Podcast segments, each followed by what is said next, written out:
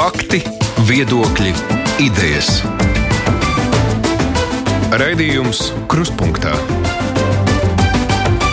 ar izpratni par būtisko. Skanot visu radio studijā, Arnēs Krausas sveicināti.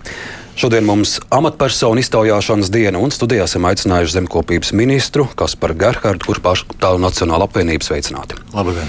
Un studijā arī kolēģis žurnālists, kas man palīdzēs iztaujāt ministru, Latvijas radio žurnālists Armīti Kolāts, sveiks Armīti! Labdien! Un de facto žurnālista Inga Šņore, sveika Inga! Labdien! Klausīt arī jums iespēju uzdot jautājumu ministram. Mūsu tāruņa numurs 6722, 888 vai 6722, 559, un mūsu e-pasta kruspunkta at Latvijas radio.clv.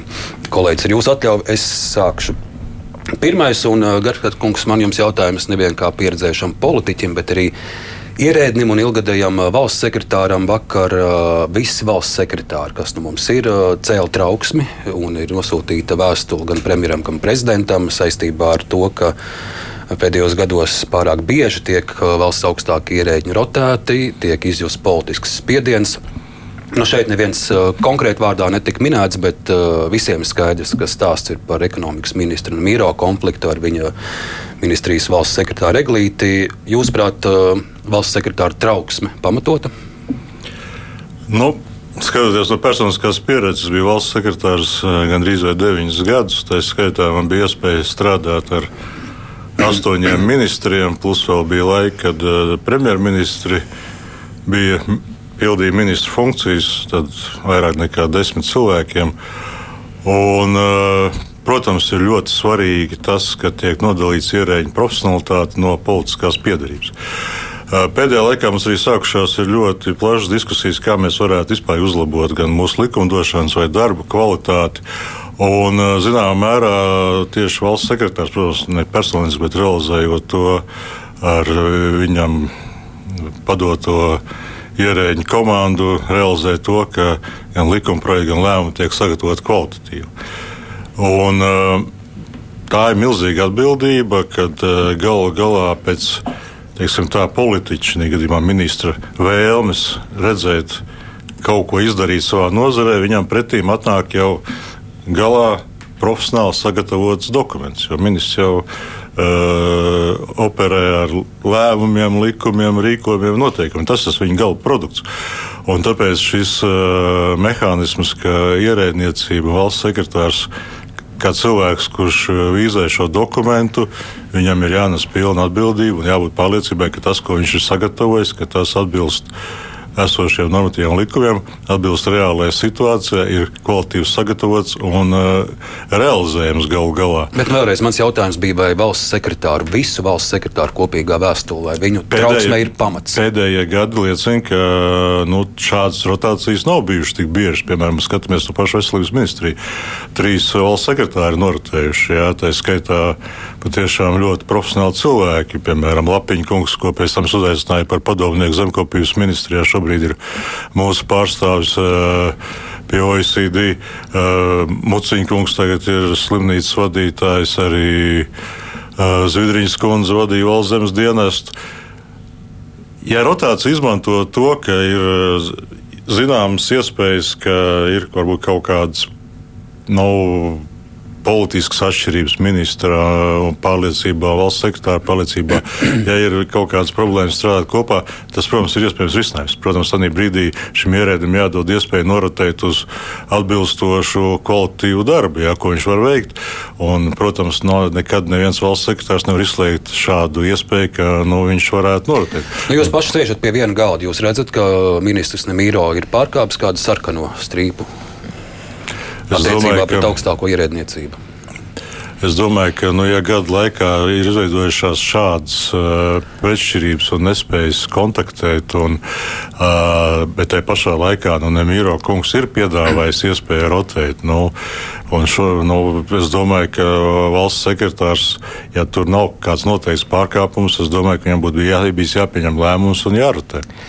Un par citām aktualitātēm mans kolēģis Ingūns Armīts ir visu Latvijas mežu aizbildnis un īpaši tievo koku paturneses droši vien uh, ar mežiem jūs sāksiet. Es tā pieļauju. Nē, nē, nē. nē, nē. Es par valsts kontrolas. revīziju. Vasarā valsts kontrole nāca klajā ar revīziju, kur norādīja, ka lauksaimniecības sektorā nevalstiskās organizācijas saņem netipiski dāsnu atbalstu no valsts. Valsts kontrole toreiz ieteica zemkopības ministrijai veikt pasākumus lai to mainītu. Un jūs arī to laiku teicāt, ka esošā sistēma būtu jāpārskata. Jā. Kas tad ir izdarīts? Jā, mēs esam izvērtējuši valsts kontrolas ieteikumus, un, protams, mēs viņus ņemsim vērā. Un, uh, mēs esam izveidojuši jaunu kārtību, gan kritērijus, gan nosacījumus, kādas varētu būt šīs organizācijas, kas varētu pretendēt uz atbalstu, pēc kādiem kritērijiem, kādi viņam jāveic darbi. Uh, šobrīd ministrija sagatavojas grozījumus uh, attiecīgajos noteikumos. Es esmu viņus parakstījis un viņi iesniegt ministru kabinetā. Un, uh, Pēc manas informācijas 18.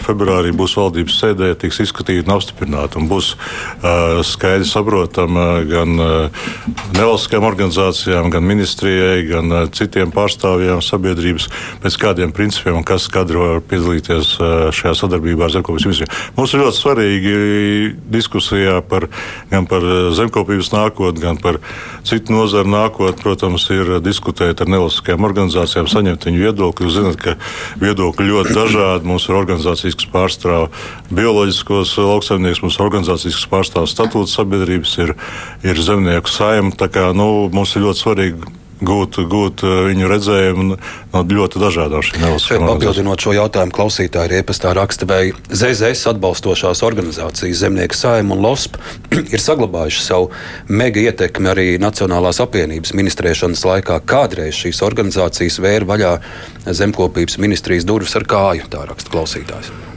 Mums ir ļoti plaša sadarbība ar visām šīm organizācijām, kā jau es minēju. Un, protams, eh, eh, mēs viņu ieteikumus uzklausām, bet katrā ziņā politiku mēs veidojam balstoties uz to, kāda ir šī kopējā Eiropas politika, kāda ir mūsu situācija eh, Latvijas lauksaimniecībā un izvērtējot visus plusus un mīnusus. Un, ņemot vērā visu šī plašā spektra nepieciešamības un vajadzības, jo nu, Latvijas lauksaimnieki, diemžēl, nav ļoti viendabīga struktūra. Mums ir ļoti daudz mazu lauksaimnieku, mums ir tas varbūt pat ļoti labi, ka mums ir ļoti daudz bioloģisku lauksaimnieku. Daudz vairāk nekā vidēji Eiropā. Mums ir šīs lielās saimniecības, kas ir nu, konkurētspējīgas šobrīd Eiropas pasaules tirgu. Katrai no viņām, protams, ir dažādas, dažādas uh, dažādas intereses un dažādas vēlmes. Man, protams, mums pieņemot lēmumu, mēs skaidrs, ka mēs nekad nevarēsim izpildīt visu vēlmes. Mums ir kaut kur jāatrod šie ierobežojumi. Paturpinot ārņā raidījuma sākumā uzdoto jautājumu, ir arī uh, ierēdniecība ir nu, tāda karjeras kāpnes, kurās ierēģi iet no sākuma līdz augšai, un tad kaut kādi noteikti punkti kļūst par tādu galveno punktu varbūt viņu karjerā. Jums ir kāds ierēdnis, jeb persona, kas seko jums līdzi jūsu karjerai uh, konkrēti Jānis. Gluži kā ēnu dienā, ja šodien ir ēnu diena, ministram arī līdzi.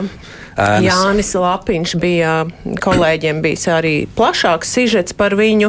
Vi, jūs vadījāt uh, vidas aizsardzības ministriju, viņš vadīja LVģMC, jūs aizējat uz zemkopības ministriju, un viņam nu, būtībā tiek izveidota vieta Latvijas valsts uh, mežu valdē, vai tas nav tāds spļāviens tiem, kas pakāpeniski iet pa tām karjeras kāpnēm, jo nu, mēs redzam, ka tā pietuvinātība politikai spēlē acīm redzot lielāku lomu.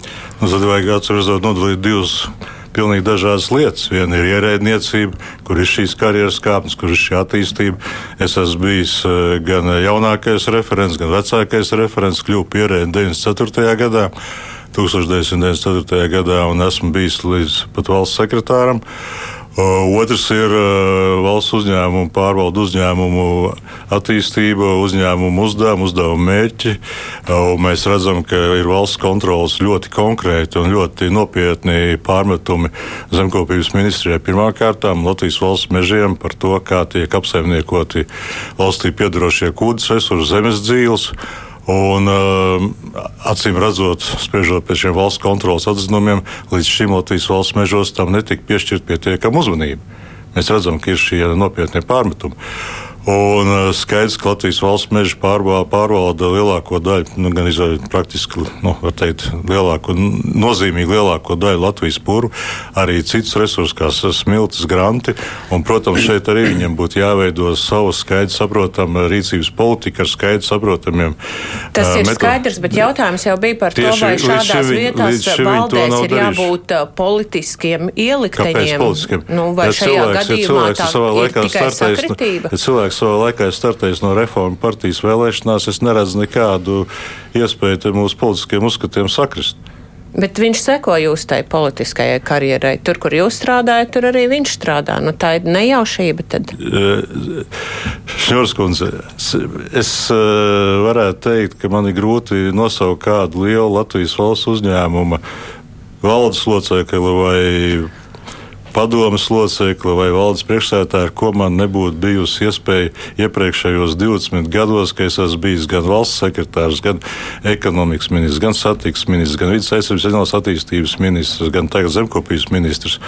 Esmu strādājis LZ Cargo valsts akciju sabiedrība elektroniskajās nu, sakars. Paliksim pie tā, ka tā ir sakritība, kādu, kuru, tā ir sakritība, kur, kur iet jūs tur, šis kungs iet pa pēdām. Nu, tā ir sakritība. Nē, es vienkārši saku, ja, ja, ja tikpat labi jūs varat teikt, ka ar strīpnieku kungu mēs esam 20 gadus pazīstami. Mēs esam vēl citi temati nu, kolēģi. Patiesībā jau Lapiņa kungs nav vienīgais. Es saprotu, ka, tā, ka jūs pārvietoties pa dažādām ministrijām, kā ļoti pieredzējis ministrs, tad, tad nu, jūs vedat sev līdzi vēl daļu ierēģņu, kas. Jā, tad, kurai jūs tas būs? Nu, es neminēšu konkrētus. Nu, miniet, lūdzu, konkrēts. Ne, nu, bet tad varbūt tās vajag minēt konkrēts. Nu, piemēram, Kaspars Cirsis. Bet nu, droši vien, ka ir vēl citi, ko jūs ņemat, ņemat līdzi no ministrijas. Es, Kaspars Cirsis ir augsta līmeņa ierēdnis. Nē, jautājums ir, tas nav pārmetums, jautājums ir par to, ka jūs izvēlaties nu, tādus līdzgaitniekus, ar ko, ar ko jums sanāk sastrādāties. Jūs viņus vedat uz.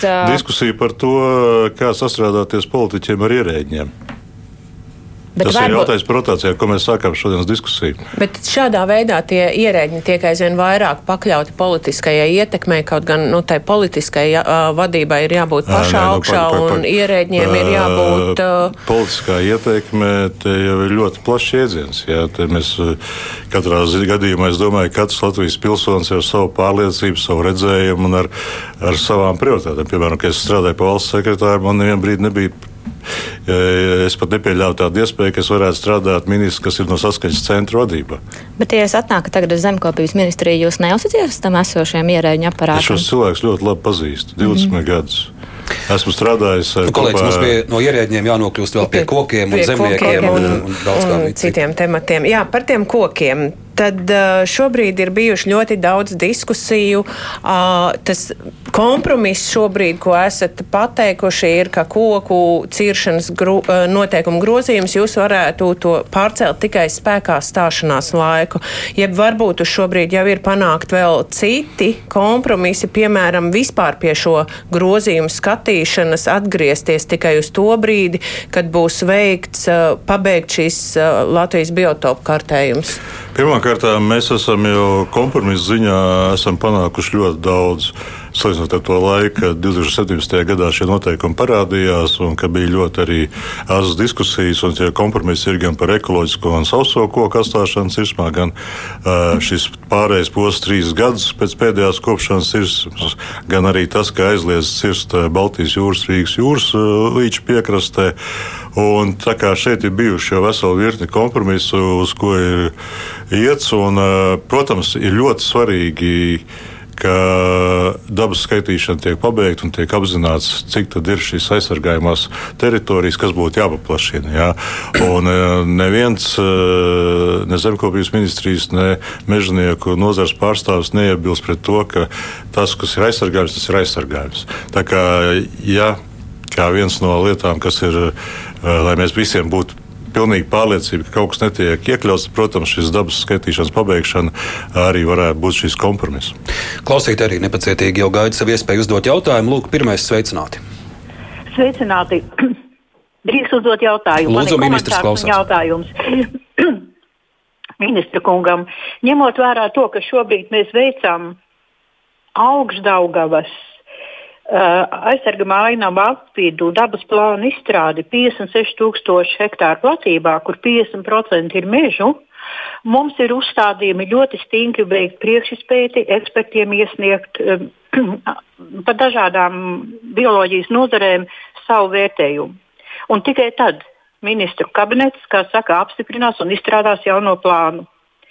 Šobrīd, februārī, Eiropas kopienas ģenerāldirektorāts ir izdevis jaunu dokumentu par, vides, par mežu daudzveidību un kāds tas ir stāvoklis Eiropā un konkrēti Latvijā. Kundze, īsi jūsu jautājums. Martā, jā, martā iznāks bioloģiskās daudzveidības novērtējums Eiropas kontekstā. Kāpēc Gerharda kungs, būdams šobrīd zemkopības ministrs, aizmirst savu pozīciju, kāda viņam bija kā varam ministram, ka vispirms vajag sagaidīt objektīvus datus un tad iet uz priekšu un plānot. Šie kompromisi, nu, es domāju, ka tas tāpēc, ka nu, to jums arī diezgan bieži pārmet, kad uh, pirms pāris gadiem tajā ministrijā jūs bijāt ļoti zaļi domājošs un tagad tā kā jau nedaudz savādāk. Kā jūs teicu, mēs esam panākuši virkni kompromisu. Jā, ja tādā laikā gāja runa gan par piejūru, gāja runa arī par uh, šīm ekoloģiskajām prasībām, kas nebija atrisināts, un arī gal galā mēs runājam par to, ka uh, nevajadzētu sākt sāk šai darbībai, pirms ir pabeigta šī dabas skaitīšana. Es domāju, ka šie kompromisi ir bijuši. Šis eh, savstarpēji solis viens otram pretīm ir darīts. Es neredzu pretrunas savā rīcībā. Nu, vēl viens klausītājs, un atkal kolēģis žurnālists. Labdien, lūdzu! Labdien! Lūdzu. Man interesē tāda lieta. Latvijas avīzē es izlasīju, ka tiem īpašniekiem, kuriem pieder e, zeme un kur, uz kuras viņi neraža neko. Ja? Tagad tiks palielināts atkal nodoklis. Es domāju, es gribētu zināt, kāpēc viņi neražo, vai kādu interesē, kāpēc viņi neražo, vai viņam nav tehnikas, vai viņam, nu, vai, kād, vai, vai vienkārši, ja uzliek lielāku nodokli, tad ko tad tas cilvēks lai dara tagad? Viņam vairāk tagad viņam būs iespēja uz tās ražot, vai, vai kā tas ir. Es gribētu tā mazliet par tiem cilvēkiem varbūt var pastāstīt. Jā, paldies! Jā, nu, katrā ziņā pēdējos gados, un pēc iestāšanās Eiropas Savienībā, ir izdarījis ļoti daudz, lai lauksaimniecībā izmantojamā zeme atgrieztu apritē. Apmēram ir palicies varbūt neizmantots apmēram 200 hektāru no kopējiem 2 miljoniem hektāru. Tā kā ir izdarīts ļoti daudz. Protams, ir jādomā par konkrētiem atbalsta pasākumiem. Un, nu, klausītājai Vijai brīvajā mikrofonā bija rosinājums, ka būtu ļoti labi, ja zemkopības ministrija maksātu 1000 eiro mēnesī katram, kurš vēlētos dzīvot un strādāt laukos, un tad lauki būtu apdzīvot un arī no ārzemēm atgrieztos tautieši. Uh, nu, Es varu atbildēt tikai to, ka zināmā mērā mēs šajā virzienā ejam. Protams, ne tūkstoši mēnesī, bet uh, ir šī speciālā mazo lauksaimnieku atbalsta programma, kas līdz šim bija 500 eiro par šo mazo saimniecību. Vienkārši tāpēc, ka saimniecība ir un cilvēki ir laukos. Uh, šobrīd mēs šajā gadā, kā pārējais uh, modeli, esam panākuši valsts budžeta piešķīrumu 4 miljonu apmērā, un kas dod iespējas šiem maziem lauksaimniekiem, ja viņi sāk kādu ražošanu, piemēram, tur vienu govu vai attiecīgi piecas saites vai uh, apsaimnieko apkop kādu uh, noteiktu zemes daudzumu, viņiem ir iespēja saņemt šo naudu līdz pat 1250 eiro gadā. 1250 eiro, ja viņi spēr pirmos soļus uz ražošanu savā mazajā lauku zemē. Bet nu, tas ir 120 mēnesī galīgi. Uh, nu, bet, ja paskatāmies, no cilvēki, piemēram, pushektārs ar zemenēm, cik viņi pārdod pārsimt kilogramus, tas ir tomēr ir uh, 2-3 tūkstoši skaidrs naudas uh, mazā saimniecībā Latvijas laukos ir pietiekami liels atspējas, lai risinātu dažādas nozīmīgas jautājumas. Arī nākamajā plānošanas periodā mēs paredzam paredzam ļoti būtisku līdzekļu novirzīšanu apmēram līdz uh, 200 miljoniem tieši šīm mazajām uh, saimniecībām, kas dot iespēju šo 1250 eiro maksājumu gadā arī nodrošināt. Es par tiem mežiem vēl gribētu precizēt. Jūs minējāt, ko jūs labu jau it kā esat izdarījuši, bet mans jautājums bija par to, vai jūs neesat gatavi pašu grozījumu pieņemšanu attīstīt atlikt līdz brīdim, kad būs skaidri šie dokumenti uz galda. Nevis atlikt to spēkā stāšanās laiku, bet pašu grozījumu pieņemšanu. Varbūt tur ir vajadzīgs pilnīgi cits likums. Uh, nu, ja mēs skatāmies par to vai cits vai necits. Šeit ir bijusi nu, ļoti nopietns izvērtējums par tiem procesiem, ko veikusi Silava un ko ir uh, arī nākuši ar priekšlikumiem tieši meža nozarē strādājušie. Kāds varētu notikt? Ir mūsu pieredze, kā ir Igaunijā tas noticis, jā, kur tieši vidas ministrija virzīja šos noteikumus, jo viņiem bija savādāka struktūra. Jā, un vidē Igaunijā jau šie noteikumi jau strādā un darbojas. Somijā un Zviedrijā, piemēram, kas ir mūsu tuvākie konkurenti, visciešākie konkurenti šajā nozarē vispār nav nekāda ierobežojuma. Ja? Un, protams, nozare grib ar šiem noteikumiem ļoti būtiski sakārtot šo administratīvo vidi. Jo no vienas puses tur ir gan administratīvais sloks, no otras puses arī uh, vieta pietiekami varbūt. Uh, nevajadzīgām un varētu teikt, ka tas saistīts melnā taksatora darbībām, kas uh, palielina šo pelēko zonu meža noz nozarē. Un, protams, meža nozare gribētu pēc iespējas ātrāk iegūt skaidrību un uh, panākt, lai šie, šie noteikumi stātos spēkā. Es domāju, ka tas ir diskutējums. Jā, jo, ja sevišķi ņemot vērā, ka nu, tā dabas skaitīšana drīz uh, vajadzētu beigties, un ja mēs runājam par nākamā gada vidu, nākamā gada otro pusi, nu, droši vien tas būtu diskutējums. Bet, uh, ja jūs pieminat šos pētījumus, kādēļ jūs nepiekrītat, un jūs esat pārliecināti par savu taisnība, teiksim tā. Kādēļ jūs nepiekrītat tādam vispārīgam izvērtējumam, kur veids ne tikai Silava, kuras uh, vadītājs ir vienlaiks arī Latvijas valsts meža padomas priekšsēdētājs, bet uh, kāds neitrāls vērtētājs? Nu, Pirmkārt, vienmērīgi izvērtēt gan vidas jautājumus, gan meža jautājumus. Nevajadzētu varbūt likt iekšā, jo šeit pirmkārt šie noteikumi ir vērsti uz privātiem saimnieciskiem mežiem. Nu, mežā, me, tajā likumā tas nav rakstīts. Uh, viņi nav vērsti uz to, ka Latvijas valsts meži, kuriem ir ministrs kabineta apstiprināts rīkojums, cik viņi var izcirst un uh, gadā un kāds ir šīs. Bet kāpēc iera... šajos grozījumos nevar ierakstīt, ka tas neatiecās uz Latvijas valsts mežiem? Uh, nu, likuma atkārtošana it kā nav labais tons, bet es domāju, ka tu noteikti arī var ierakstīt. Mm, vismaz anotācijā. Nozīmīgi. Bet tad jūs tādu pētījumu neuzskatāt par nepieciešamu? Es domāju, ka pētījumi ir veikti, ir pietiekami daudz pieredzes gan kaimiņu valstī, Igaunijā, kur tas funkcionē, gan arī visā mūsu šajā kopējā reģionā. Atkal iesaistīsim klausītājus. Labdien, lūdzu! Lūdzu, jūs jautājums! Labdien! Labdien. Attiecībā uz to tievo koku ciršanu Nu, es pilnīgi piekrītu, ka ir tādas situācijas, ka tas ir uh, vajadzīgs, bet nu, īpašos gadījumos. Un tad man tāda replika žurnālistu virzienā. Nu, kāpēc tik briesmīgi uzkalt Gerhard kungam par to, ka viņš nu, grib sastrādāties ar pazīstamiem cilvēkiem, kuriem viņam saskan, uh, kāpēc, pieņemsim, Rinkevičam neviens neuzdeva jautājumu, kāpēc viņš vadās sev līdzi īpašu cilvēku Lūk, šāda mūsu klausītāja replika. Nu, man liekas, šīs kolēģis abas ir bijušas šādā sastāvā arī iztaujājot citus ministrus. Tikpat uh, dedzīgi un, un, un, un āķīgi jautājumi bijuši arī, arī citiem ministriem. Tas nav tikai īpaši attieksme pret zemkopības ministru. Bet vēl kolēģi, uh, ļausim klausītājiem uzdot jautājumu. Lūdzu, sveiki! Jautājums tāds ministra kungam. Latvijas valsts meži, kad viņi izveidoja sagrāba savā um, pārziņā tūkstošus hektāru lauksēmniecībā izmantotas meliorētas aram zemes, kuru viņi tagad iznomā dažādām privātām personām un gūst peļņu. E, tātad Latvijas valsts mežu nolikumā nav paredzēta tāda darbība, kā lauksaimnieciski izmantojamas uh, zemes iznomāšana privātu personām. Paldies. Tātad jautājums par valsts mežiem.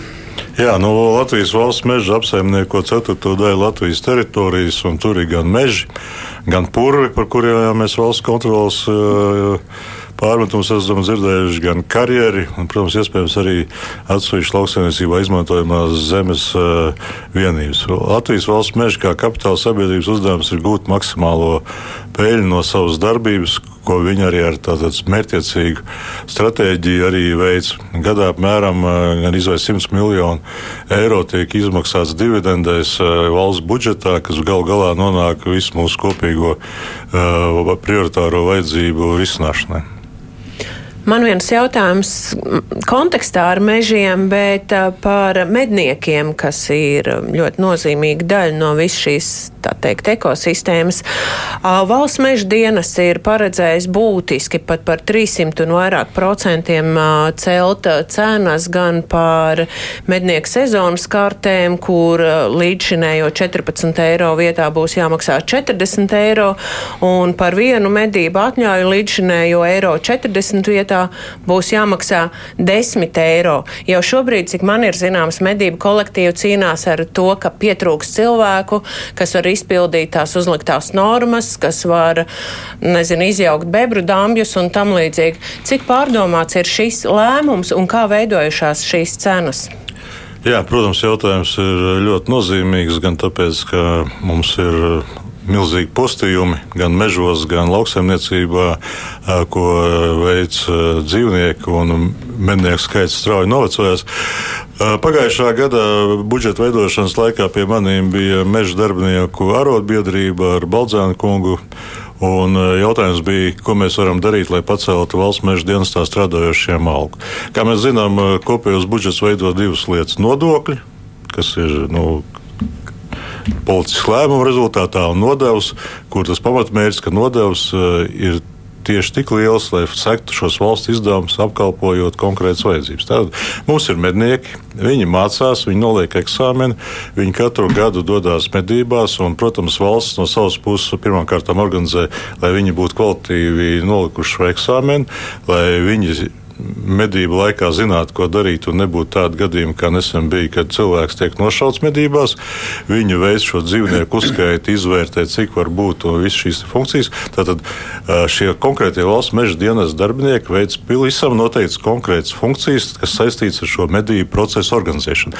Attiecīgi, lai šie valsts meža dienas vadīja darbinieki varētu saņemt uh, adekvātu atalgojumu šīm nodevām, kas ir tieši par viņu konkrēti veicamajām darbībām. Tā kā jūs teicat, pieņemot eksāmenu, uzskaitot dzīvniekus, pārbaudot medības, aizbraucot uz katru medību kolektīvu, pārbaudot, vai, vai tur viss kārtībā ar tiem pašām ieroču atļaujām, vispār, vai cilvēki tur ir uh, atrodas adekvātā stāvoklī, viss tiek novērots pēc noteiktiem noteikumiem. Valsts meža dienas darbinieki veic noteiktas darbības, un par šīm noteiktajām darbībām kopumā jāsaņem atbilstoša summa.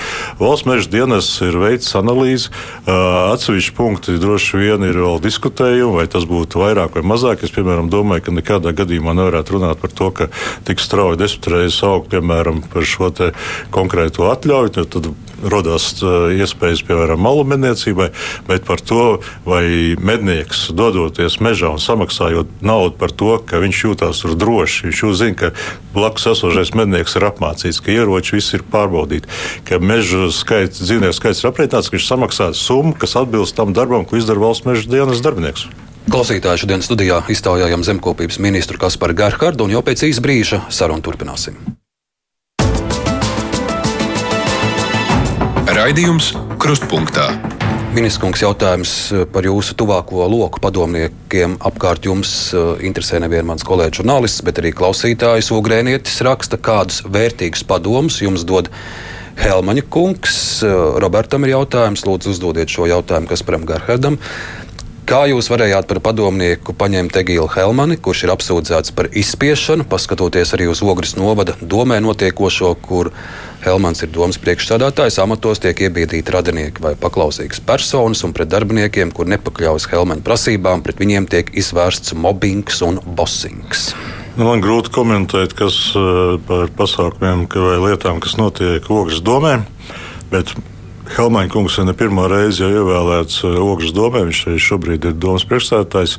Viņš ir pieredzējis pašvaldību darbinieks. Un, uh, jautājumi, kas saistīti ar ļoti nozīmīgu zemkopības ministrijas politiku. Tas ir melorācijas jautājumi, tas ir uh, sadarbība pašvaldībām. Tas tās lietas, kur Helmēna kungs neapšaubām ir uh, zinošs. Un, ja mēs skatāmies, ko piemēram Ogri izdarījusi, jautājumus, kas saistīti tieši ar piemēram, plūdu novēršanu, nu, tur ir izdarīts ļoti nozīmīgs darbs. Viņa pieredze ir pietiekami nopietna un vērā ņemama. Bet kā var, Kā jūs tā varat nu, teikt, ka jums ir grūti komentēt to, ko Helmaņa kungs dara? Nē, nu, Ogres domāts tā jocīgi, vai tad jūs nemanat visas tās ziņas, ka tomēr žurnālisti nu, ir pa, kuras ir ziņas šo tiesvedības procesu, kas viņam bija ar Latvijas radio žurnālistiem? Piemēram, vai, vai, tā, vai, tā, vai arī tas komunikācijas lieta. stils vispār ar sabiedrību un žurnālistiem. Un, nu, Bet kaut kā tur nav kaut kādi reputācijas riski. Ievēlējuši viņa domē. Viņš ir pašreiz uh, ievēlēts domas priekšsēdētājs. Bet kā viņš var apvienot pilnas slodzes uh, domas priekšsēdētāja darbu ar pilnas slodzes padomnieka darbu? Viņš pa naktīm pie jums strādā vai kā tas ir iespējams? Uh, nu, cilvēks uh, nopietni strādā, dod arī konkrēts uh, pienesumu politiskā redzējuma izstrādē, politiskā stratēģijas izstrādē. Es domāju, ka nu, katrā ziņā viņš ir, nu, es domāju, liels atspējas lēmumu pieņemšanā. Vēl īsi klausītāju jautājumu Olafs vēlas vaicāt. Vakardienas sarunā jūs biroja vadītājs Jānis Eglīts un zemnieks saimnes pārstāvs Mareks Bērziņš dziedāja vienu dziesmu un augstprātīgi neieklausījās bioloģiskās lauksaimniecības pārstāvī. Nu, es gan te sarunu vadīju, neko tādu nemanīju, bet Olafs vēlas vaicāt, vai jūsu partija tikai vārdos ir par latviešu ģimeņu palikšanu laukos vai līdzīgi kā ZZS atbalsta lielu kapitālu.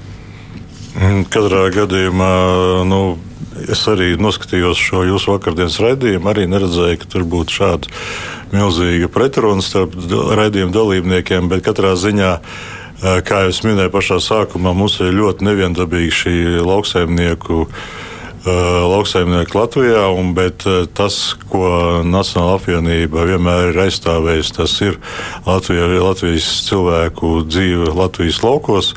Un, protams, mēs arī meklējam veidus un arī piedāvāsim nākamajā plānošanas periodā atbalsta mehānismus, kā jau pirms tam runāju, gan par mazajām saimniecībām, gan būs speciāls atbalsta mehānisms paredzēts arī bioloģiskiem ražotājiem dažādos, dažādos šī ražošanas procesa etapos. Tas tas viss ir, protams, uzmanības lokā, un pie tā mēs ļoti nopietni strādājam. Protams, eh, kā jau katra no šīm nozares grupām savu viedokli izteiks, un, protams, eh, eh, kā jau es teicu, ne visas vēlmes mēs varēsim piepildīt. Un lielā mērā arī, ja mēs runājam tieši par šo lielo saimnieku, bet zemnieku saimnieku jau nav tikai lielo saimnieku pārstāvs. Tur arī mazie saimniecības, tur arī augkopības uzņēmumi. Tā kā nu, te ir tāds ne, nebūs tas viegli.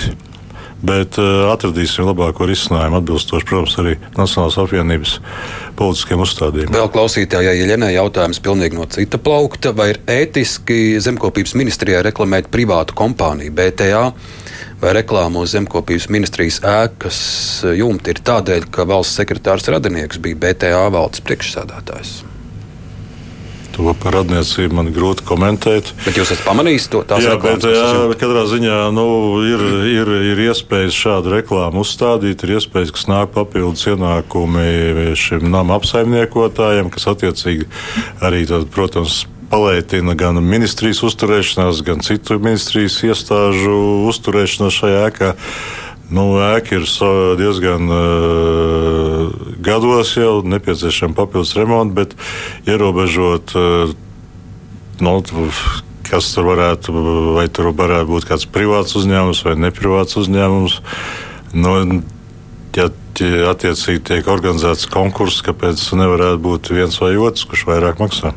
Un vēl Līga vēlas vaicāt, labdien, mēs mazās putnu kopju saimniecības vēlamies izmantot ekskluzīvo iespēju uzdot tieši ministram jautājumu par patreiz ieviestajiem biodrošības noteikumiem, vai tie tomēr vēl nav pāragri. No. Varbūt vajadzētu ieviest kontroli uz robežām, lai putni reāli netiktu ievesti no slimības skartiem reģioniem. Man nepamet doma, ka tiek atbalstīti lielie olu ražotāji? Nu, diemžēl situācija ļoti nopietna un e, vairāk kārtīgi tiekoties ar PVD vadību un arī esot. Uh, bija liela, liela konference arī bija Berlīnē zaļās nedēļas ietvaros un diskutējot ar citu valstu pārstāvjiem, ar kaimiņu valstu, Polijas, Baltijas valstu ministriem. Tas jau bija gandrīz vai janvāra vidus, 17. janvārs. Tā situācija tiešām ir ļoti nopietna. Mēs redzam, kas notiek klimatā. Cilvēki redzējuši jau pirmos gulbis. Es arī esmu redzējis gaipots lidojot. Situācija, diemžēl, ir ļoti nopietna. Un patiešām mums ir jārūpējas gan katram par sevi, par savu saimniecību, gan kopumā par situāciju, diemžēl. Armija. Mm -hmm. Jā, diemžēl put, putniem, gājputniem arī nevar ieviest kaut kādu robežu kontroli. Tas droši vien traucē. Bet šī gada maijā Eiropas sadarbības un attīstības organizācija savā vidas raksturu lielums ziņojumā uzsvēra, ka dabiskās vidas stāvoklis Latvijā ir slikts un turpina pasliktināties. Nu, uz būtiskiem riskiem norādīja arī Eiropas komisija. Arī šajā mežu e, koku ciršanas grozījuma kontekstā jums nav bažu, ka tieši zemkopības ministrijas politika var radīt tādas sekas, nu, gan soda naudu veidā, kas, e, kas Latvijai būtu jāmaksā, gan arī, nu, kas būtiskāk dabas daudzveidības samazināšanās? Nu, par dabas daudzveidības samazināšanos vai nesamazināšanos mēs varēsim redzēt, ka būs uh, dabas skaitīšana pabeigta. Jā. Tas būs reāls. Uh, pētījums, kā pamat mēs varēsim kaut kādus lēmumus pieņemt. Jā. Un, arī lēmums par koku ciršanu. Arī tas skaitā lēmums par koku ciršanu, bet veiksim ierobežojumus un aizliegumus tur, kur to nevarēs darīt. Bet nu, pārējā saimnieciskajā daļā, es domāju, mums ir jāizdara viss, lai šī nozara būtu stabila un attīstītos ilgspējīgi.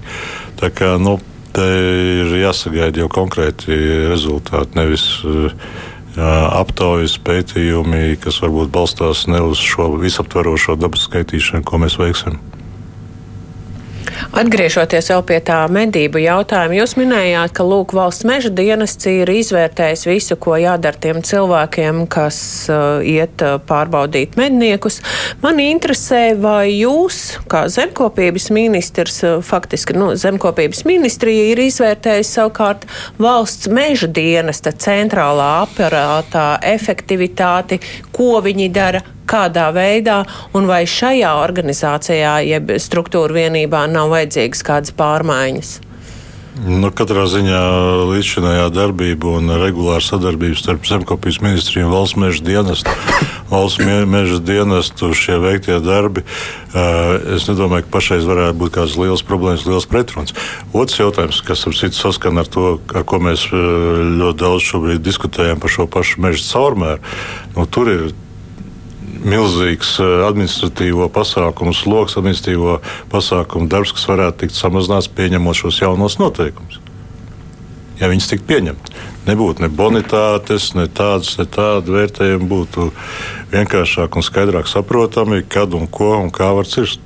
Jā, tas būtu ļoti labi atslogotu mežziņus, kuri tiešām ir uh, apkrauti ar darbiem tik tālu, ka viņi nevar visu paspēt, bet es par centrālo aparātu vaicāju, vai jums ir bijis kāds funkciju izvērtējums, jo, nu, laiks iet, funkcijas mainās, varbūt arī tur ir vajadzīgas kādas pārmaiņas.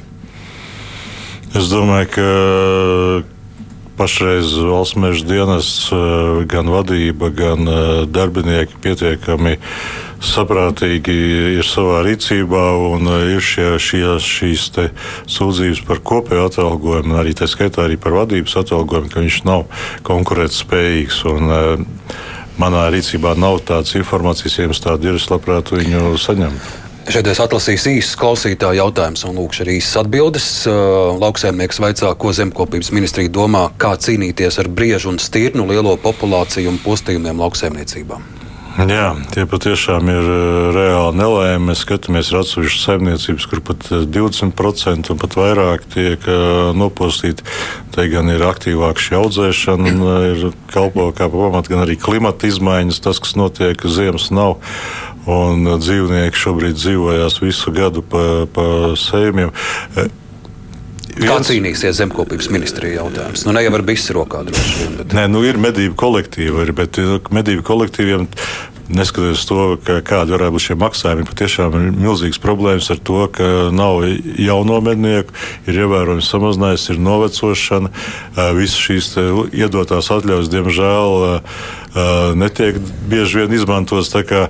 Protams, mēs skatāmies vecās Eiropas virzienā, ir atsevišķas valsts, kur ir profesionāli mednieki, jā, kas nodarbojas tikai ar to, ka izšauj šos dzīvniekus. Vai tas ir pienācis laiks arī Latvijā, tad arī, es domāju, priekšlaicīgi ir drīzāk ir jādomā par to, kā piesaistīt jaunatni, kā stiprināt šos medību kolektīvus un iespējams, ka nepieciešama daudz elastīgāka pieeja arī no valsts mēža dienas puses par šo izteiktu atļauju skaitu. Varbūt eh, tā elastība, protams, eh, nāk jauni risinājumi, nāk eh, IT tehnoloģijas, kas dos iespēju daudz ātrāk ievadīt šos visus datus, konstatēt, kur kas ir šie dzīvnieki, cik viņi ir. Tas varētu būt viens pirmais solis. Klausīt Klausītāji ar sagvārdu vista vaicā, ko zemkopības ministrija dara, lai panāktu to, ka tiek kompensēti lauksaimniekiem vēl pagājušajā gadā zosu postījumi. Jā, tas ir ļoti nozīmīgs jautājums. Zinām, summa tam tiek novirzīta, bet eh, jautājums par kompensācijām, par eh, tām problēmām, ko rada dabas prasību ieviešana, ir neapšaubām viens no aktuālākajiem. Tā skaitā par mežiem, kādas būs kompensācijas par šīm jauniem uzliktajiem ierobežojumiem vai par vecajiem ierobežojumiem. Tā kā nevar risināt jautājumu tikai ar kaut ko aizliedzot, bet tādā brīdī ir jāatrod līdzekļu kompensācijām. Diemžēl šīs kompensācijas visos spektros, no zosīm līdz kormorāniem eh, un par mežiem, eh, diemžēl nesadz reālo īpašnieku, reālus īpašnieku zaudējumus. Zemnieks jau raksta, aicina bio nozare beigt vērsties pret pārējiem lauksaimniekiem, aicina katru strādāt un beigt nomelnot pārējos. Tas vairs nav paciešams. Un klausītājiem ir jautājums, ko ministrs domā par izmaksu griestu uzlikšanu lielajiem lauksaimniekiem. Īsi, jo mums vakar bija stundu gars. Jā, tātad mūsu pozīcijā ir, ka griesti būtu uzliekami. Pašreizējais komisijas piedāvājums ir 60 tūkstoši līdz pat 100 tūkstošiem, tur ir zināms soli, un ka netiek tādi, tiek, tiek iekļaut tiešmaksājumos arī jautājumi, kas saistīti ar darba algu un sociālo nodokli. Jo tiešmaksājuma būtība ir nodrošināt pietiekami pietiekami augsts dzīves līmenis lauksaimniecībā nodarbinātajiem iedzīvotājiem. Tie ir cilvēki, kas strādā lauksaimniecībā. Uh, mans viedoklis ir tāds, ka uh, šobrīd nevarētu teikt, ka kāds no Latvijas zemniekiem, viņš būtu liels vai mazs, būtu apmierināts. Visi ir neapmierināti, jo, diemžēl, nav taisnīgi pieeja. Mums ir tikai uh, 7% no vidējā Eiropas Savienībā. Tos gan lielie, gan mazie lauksaimnieki cieši pilnīgi vienādi. No nu, Lietuvieši ir uzlikuši 100 tūkstošu griestus. Mēs varētu līdzīgi rīkoties. Uh, es domāju, ka neapšaubām mēs rīkosimies tad, kad tas būs apstiprināts kopējā Eiropas uh, lēmumā, būs kopējā lauksaimniecības politika. Šis ļoti Eiropā kopēji regulēts jautājums. Bet lietuvieši to ir izdarījuši. No mums apakšā lietuvieši to ir izdarījuši, lietuvieši pieņēmuši politisku lēmumu. Es domāju, ka mums ir priekšlaicīgi pieņemt lēmumu pirms stājusies spēkā kopējā lauksensības politika, bet uh, tas, ka mēs varētu iet uz uh, griestu noteikšanu uh, ar šo jauno plānošanas periodu, viennozīmīgi tas varētu būt. Kolēģis. Jautājums jums, kā tādam politikas dinozauram, kā jūs raugaties šobrīd uz valdības stabilitāti? Pēdējā laikā tad, tad visādi čuksti un mājieni, ka nu, tur kaut kādas problēmas varētu būt. Kā jūs skatāties, tās ir tādas oponentu un priekšvēlēšanu tādā gaisotnē radušās baumas, vai tomēr redzat nākotnē kaut kādu? Es redzu jā? ļoti piesātinātu, ļoti nopietnu diskusiju, un jau sevišķi, ka tuvojoties dažiem ļoti būtiskiem lēmumiem gan par teritoriālo reformu, gan mm. par pedagoģu algu, gan par medicīnu. Protams, katrs no šajā procesā iesaistītām pusēm mēģina panākt pēc iespējas lielāku savai partijai solīto vai, vai politikai atbilstošu lēmumu pieņemšanai. Un šobrīd nu, es domāju, ka tiek izbaudīta, iz, pārbaudīta, cik, cik katra politiskā partija var atkāpties vai var paiet uz priekšu. Tāpēc arī, protams, ir šīs diskusijas, kas nu, zināmā mērā rada veselu virkni pārdomas par šīs esošās koalīcijas stabilitāti. Kur ir tie politiķi, kuri vismazāk gatavi piekāpties uh, valdībā? Nu, te, es domāju, ka katram politiķim mērķis ir pēc iespējas mazāk piekāpties un panākt uh, savu, savu lēmumu realizāciju, bet uh, nu, šie lēmumi lēnām briest. Briest gan teritoriālā reforma, briest gan pedagoģa algas, briest, briest meža, medici, medicīnas nozare. Ja, kā, nu, Vai briest arī valdības krīze? Valdības krīze, es domāju, Latvijā tā ir tāda permanenta lieta, no kurā mums uh, ir. Uh, Ja jūs prasat manu viedokli, nu, ka no 2000. gada esmu bijis gan uh, valsts sekretārs, gan ministrs, uh, nu, tā ir mums ļoti permanenta lieta - valdības krīze. Inga? Par tiem lielajiem zemniekiem runājot, um, man tāds jautājums pētot, kas tad ir lielākie tiešmaksājumu saņēmēji un uh, kāds ir uh, viņu autoparks un dažādas tādas lietas, kas saistītas ar, ar, ar šo biznesu. Es pamanīju to, ka, piemēram, šobrīd zemniekiem ir ļauts uh, um, ieliet degvielu bez akcijas, ar samazinātu akcijas, uh, nu, lētāku degvielu, var sakot. Un uh, tās automašīnas, uz kurām attiecās, ir arī piecvietīgas kravas automašīnas. Un es redzēju, ka šiem zemniekiem ir pieregistrēti kravas automobīļi, Porsche, Cayenne. Es gribēju saprast, vai tiešām jūs esat pārliecināti, ka viņi ar šiem Poršiem, kuros viņiem ir iespēja liet šo bezakcijas degvielu, vai viņi tiešām ar viņiem brauc un ved tos graudus uz lauka un veic saimniecisko darbību. Priekš degvielas pārbaudas valsts ieņēmuma dienas, kuram tas viss ir jāveic, protams, šī diskusija ir ne pirmo riņķi iet par to, kā būt ar akcizēto degvielu, jo ir lauka zemkopīgi, piemēram, kartupeļu audzētāji, dārzeņu audzētāji, kuriem nepietiek. Iespējams, ka citiem varbūt viņš ir vairāk šīs degvielas daudzums. Tā kā šī diskusija, es domāju, nav beigusies, bet to pārbaudu, protams, jāveic ir valsts ieņēmuma dienas un te pašā pašā laikā skatoties par pārliecību, par, par, par, par pārliecību, piemēram, skatoties uz jūsu nopublicēto sarakstu, kurš tas saņēmis šos tiešmaksājumus, tur daudzos simtos tūkstoši, piemēram, paņemot, piemēram, pampāļu saimniecību 130 strādājuši, pat ja viņi saņem minimālu algu, tas ir 900 tūkstoši gadā.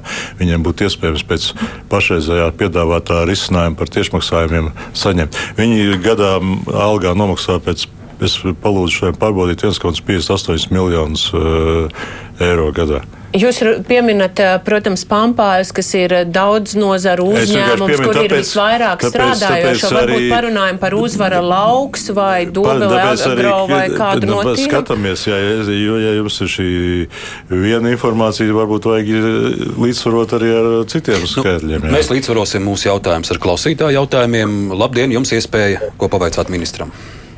Jā, labdien, ministra kungs. Man interesē, kādas iniciatīvas jūs iesniedzat sakarā ar enerģētikas un klimata plānu valdībai un Briselē, kur žurnālisti sauc par zaļo teroru. Paldies! Paldies. Mūsu žurnālisti ļoti nopietni nosaukuši, jā, bet katrā ziņā, protams, tas ir milzīgs izaicinājums. Un, ja mēs rēķinām pēc tā, kā mēs uh, lauksniecības nozarē redzam, ko tur varētu darīt un par kādiem līdzekļiem. Pirmkārt, tas ierobežojums ir vismaz 40% no nākamā perioda finansējuma jābūt novirzītiem klimata mērķiem. Un šeit ir gan uh, priekšlikumi mums ir par materiāliem ieguldījumiem, gan uh, jautājumos, kas saistīts ar gan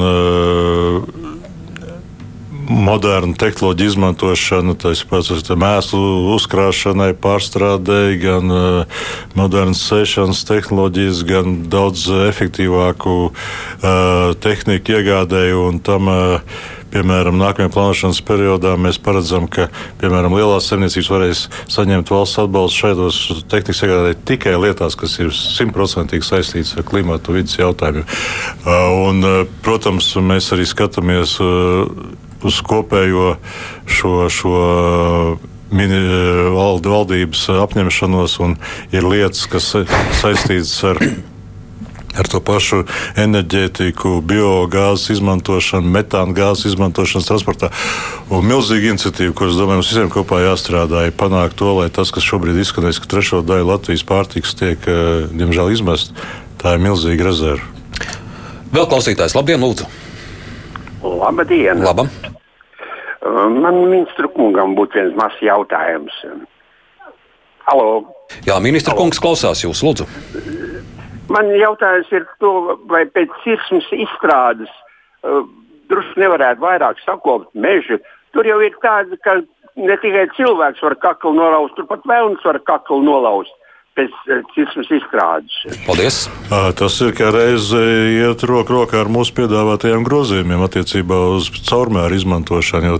Paredz to, ka pēc cismas, pēc caurmēra ir obligāti jāatjauno ar augstvērtīgu stādu materiālu šīs cismas. Jo ir jau cilvēkam iespējas dabiski atjaunošanās vai stādot. Pašreiz stādīšana privātajos mežos izmanto tikai 12% īpašnieku. Mēs te pieminējām politiku, raidījuma jautājums, kāpēc Gerhards kungs nekad nepiedalās vēlēšanās, bet kā ministra amats, tā kā Ercens ir klāta. Kāpēc nekandidēt vēlēšanās? Uh, nu, tas jautājums, protams, ir ļoti plašs un katrs var pieņemt savas izvēles. Un, es domāju, ka Nacionālajā apvienībā ir ļoti daudz jaunu spējīgu un talantīgu politiķu, kas var piedalīties vēlēšanās, un kuriem, protams, arī iespējas ir, un kurus Nacionālā apvienība noteikti redz arī kā nākošos ministru kandidātus. Tūlīt būs Rīgas domas vēlēšanas. Nu, viss liecina, ka tās tūlīt būs. Kas būs Nacionālās apvienības līderis šajās vēlēšanās? Pašreiz šīs diskusijas notiek Nacionālajā apvienībā. Mums ir vesela virkne gan pašreizējo deputātu, kas ir parādījuši sev. Mums ir vesela virkne arī politiķi, kas varbūt tās, kuriem ir šī pieredze Rīgas domē, bet kas varbūt tās ir uz brīdi, varbūt nav tik aktīvi politikā. Nu, miniet kaut, kaut daļu no tās virknes. Nu, kā, tas tāds piecinieks, kas jums ir tāds spēcīgais, ko jūs likat uz plakāta. Dainis Locis, Einārs Cilīnskis, nu, Cilīnskis kungs, cik saprotu, varbūt tur vēl ir vēl daudz jautājumu, vai viņš būtu gatavs vai nebūtu gatavs. Edvards Ratnieks. Uh, Nu, man ir grūti pateikt, vai Ansis Pūpols būs. Ansis Pūpols, kāpēc gan ne? Es domāju, cilvēks sabiedriski aktīvs un, un, un, un pieredzējis. Un, Četrus minējāt, nu, un, pieci, nu, arī mums ir arī Klotiņa kungs, bet nu, viņš teikt, pašreiz arī uz zinām darbu. Prezidenta padomīgs.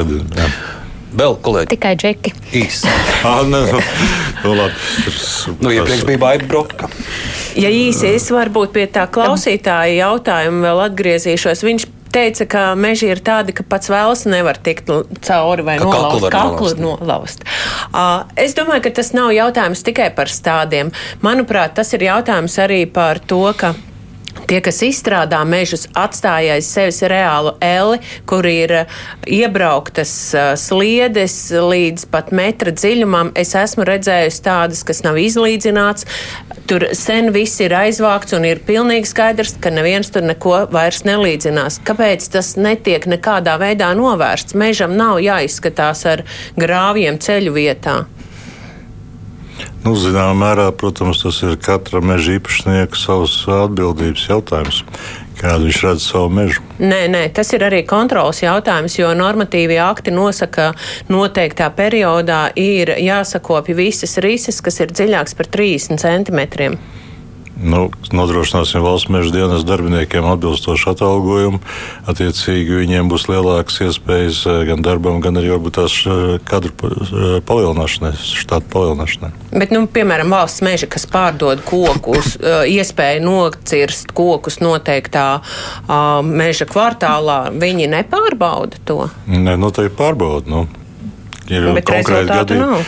ir konkrēti gadījumi. Ir jā. Labprāt iepazītos. Vēl Garhārds, mūsu klausītājai bija interesē, vai zemkopības ministram pašam ir savs dārzs, un, ja ir, tad kādus augus, kokus, ko viņš tur audzē. Mm, Man, manai ģimenei, manai mātei uh, ir dārziņš. Uh, Un ābeles, plūmes, ķirši praktiski nu, nav iespējams novākt. Viņas ir visapēdas strāzdi, ešķogas, upenes, zemenes. Un jums ir? Uh, Meža nav. Pats arī ravējat kaut ko? Stādat? Vai tikai Nē, novācat? ja es tikai runāju par stādīšanu, es jau tagad pat nepateikšu, kuro gadu pēc kārtas, bet katru gadu piedalos meža stādīšanā, gan vidas ministrijā, gan zemkopības ministrijā. Tas patiesi man ir liels prieks pastādīt mežu, būt dabā, svaigā gaisā, fiziskā darbā. Un, ka tu redzi, ka tu esi kaut ko izdarījis un kas paliek nākotnē. Un savām acīm redzēt gan tievus, gan resnus kokus. Tieši tā. Garkārt, kungs, teikšu jums lielu paldies par uh, sarunu un atbildēšanu uz manu kolēģu žurnālistu Inga Šņoris un Sarmītas kolāts jautājumiem un arī uz klausītāju jautājumiem. Mūsu studijā bija zemkopības ministrs Kaspars Garhards. Klausītāji, rīt Māra iztaujās politikas zinātājus par to, kā izvērtīsies cīņas par Rīgas domu. Producente bija Junām, studijā bija Ārnis Krauze uz tikšanos.